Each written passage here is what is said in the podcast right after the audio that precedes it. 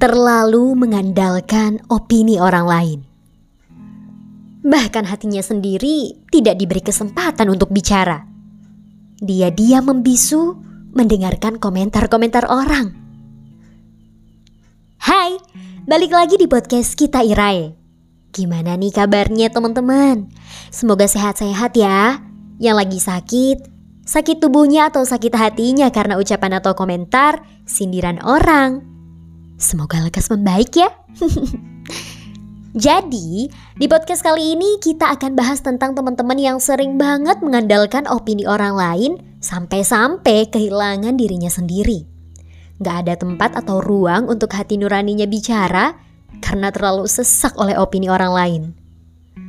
Catat dulu nih sebelumnya, opini yang dimaksud di sini bukan opini dalam arti kita meminta pendapat atau saran seseorang dalam sebuah diskusi tapi konteks opini yang dibahas kali ini adalah opini dalam bentuk komentar-komentar sosial orang-orang yang memenuhi berdesakan seisi kepala kita. Sering banget gak sih?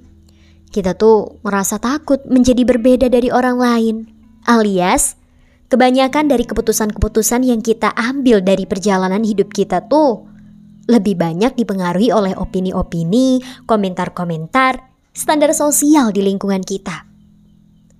Ketika kita mau mengambil keputusan yang berbeda nih dari kebanyakan orang, kita kerap kali kepikiran. Kalau aku gini, nanti begini, bakalan dikomentarin orang-orang. Kalau aku nggak begini, nanti bakalan dijulitin tetangga-tetangga. hmm, mending aku ambil ini aja deh, biar aman, nggak diomongin orang. Nah, apakah salah bersikap seperti itu? Bukan tentang disalah atau benarnya sih, tapi tentang proses yang akan dijalaninya. Ketika akhirnya kita mengambil keputusan berdasarkan opini-opini sosial, sementara hal tersebut berlawanan dengan diri kita, akibatnya adalah kita menjadi terpaksa menjalani prosesnya.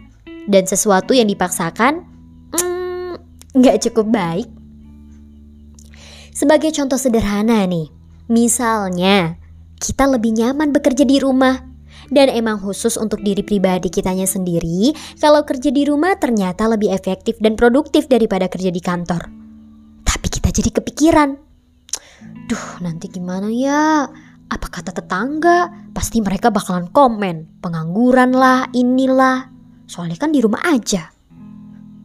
Atau enggak ada komen dia orangnya males, kerjanya di rumah mulu, gak berangkat-berangkat kerja.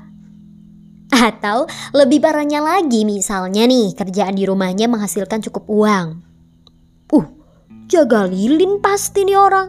Ngepet kali ya. Atau miara tuyul jangan-jangan. Di rumah aja kok bisa banyak uangnya. Akhirnya kita jadi mempertimbangkan opini-opini, komentar semacam itulah yang akhirnya membuat kita ragu untuk mendengarkan keputusan diri kita sendiri. Sesek mendengar komentar orang lain, sampai tak ada ruang untuk mendengar hati nuraninya sendiri. Kebiasaan mengandalkan opini orang lain sampai kehilangan diri sendiri dan apa yang sebenarnya kita inginkan di dunia ini. Tidak berani mendengarkan hatinya sendiri, hanya mengikuti apa yang kebanyakan orang lakukan.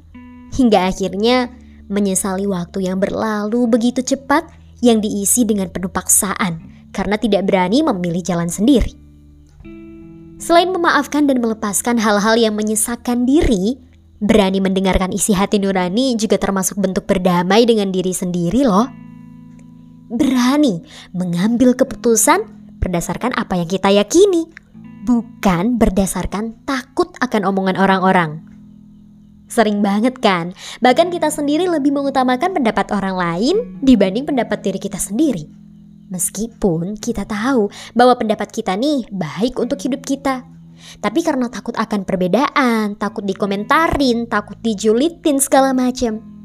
Ya udahlah, kita cari aman aja. Akhirnya pakai pendapat orang lain untuk menjalani hari-hari insecure kita.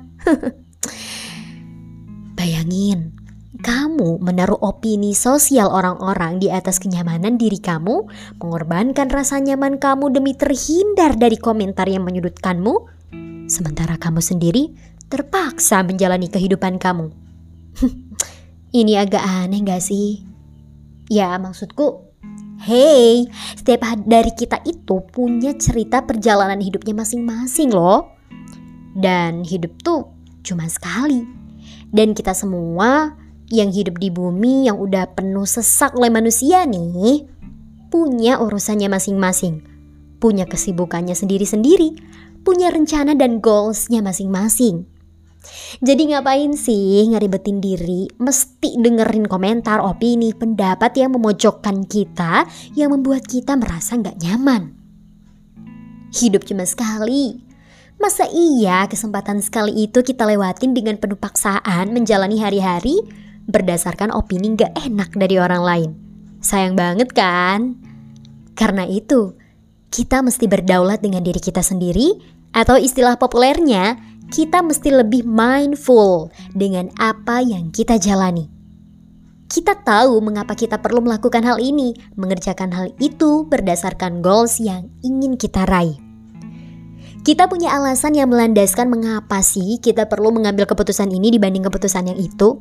Akhirnya, karena kita udah berdamai dengan diri sendiri, berdaulat dengan diri, bekerja sama dengan hati nurani, dan punya alasan yang melandaskan atau melatar belakangi kenapa kita perlu melakukan suatu hal, jadi ketika ada orang-orang yang melemparkan anak-anak panah komentar pedas, opini menyesakkan, dan sindiran sinis kepada kita, hal itu udah gak ada pengaruhnya lagi buat kita.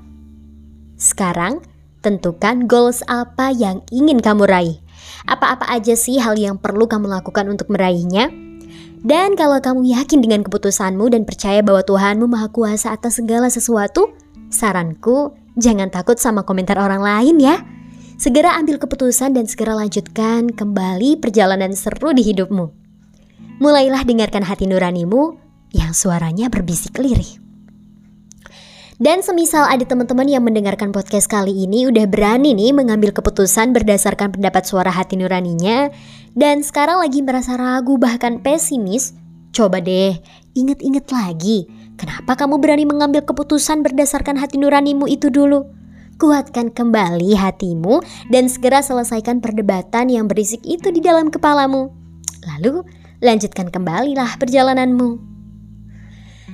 Hmm, oke okay ya. Jadi cukup sampai di sini podcast kali ini. Semoga ada teman-teman yang terbantu nih dari mendengarkan podcast ini. Buat teman-teman yang suka baca buku, kita Irai ada buku Ruang Diri dan Aku Percaya Padamu. Untuk penjelasan bukunya bisa dilihat di link bio Instagram atau TikTok kita Irai. Ada juga buku dalam bentuk e-book. Cek aja link di bio ya.